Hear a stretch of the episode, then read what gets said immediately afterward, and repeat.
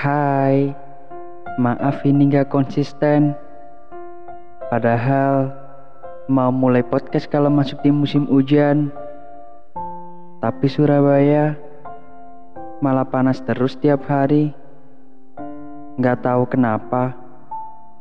Padahal udah masuk di bulan penghujan. Oh iya kenalin, ini podcast pertama dari Bincang Seduh. Entah ke depannya mau bahas apa, nggak tahu juga. Gak ada tema juga buat ke depannya. Tapi semaksimal mungkin nggak akan bikin kalian baper kok. Janji. Haha.